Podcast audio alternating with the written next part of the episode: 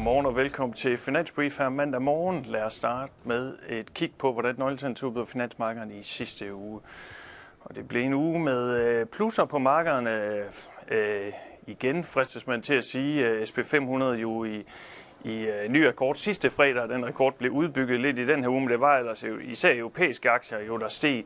Og det var jo egentlig på øh, lidt lavere renter, øh, og vi tog dermed en pause for de rentestigninger, vi har haft i løbet af januar. Og det var især efter det her ECB-møde torsdag, hvor markederne altså tolkede Lagarde derhen, at øh, renten godt kan komme ned, måske allerede til april, det vil de ikke love, men i hvert fald at man ser, at inflationen er taget af, og det er investorerne rigtig glade for. De var også glade for nogle positive BNP-tal fra USA, Øh, der jo tilsiger det igen det her med, at væksten er sådan set robust i øh, verdens største øh, økonomi. Og det er klart, at vi er i det her forløb, hvor investorerne har en tro på, at vi kan komme igennem det her med robust vækst og egentlig også rentenedsættelser på grund af lavere inflation. Øh, vi er jo egentlig lidt mere skeptiske og tror godt, at øh, væksten kan komme til at svække sig, når vi kigger fremad, og anbefaler også, at man har lav risiko i sin portefølje.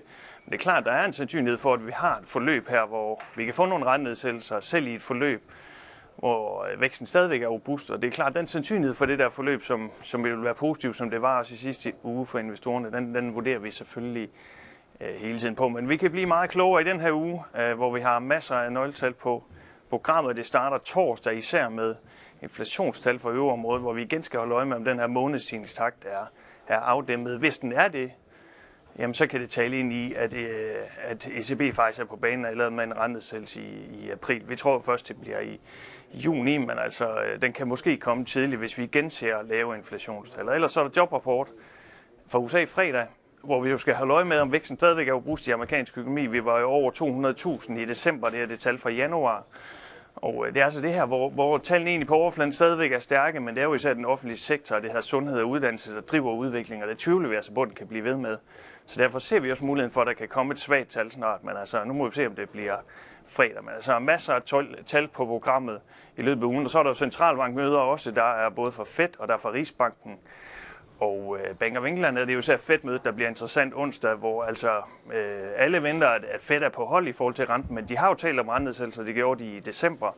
Vi tror først, det bliver i uh, maj, men der, der er en mulighed for, at det kan blive i marts, som vi vil altså holde øje med, hvad Paul han siger her. Vi tror, han kommer til at padle lidt tilbage på markedsforventningerne omkring, at, at den her rentenedsættelse kan komme allerede i marts. Men det bliver spændende, hvad han siger der, hvad han siger i forhold til, at at væksten jo egentlig er stærk, men inflationen er, er aftagende. Hvad gør man så? Er det for tidligt at sætte renten ned eller ej?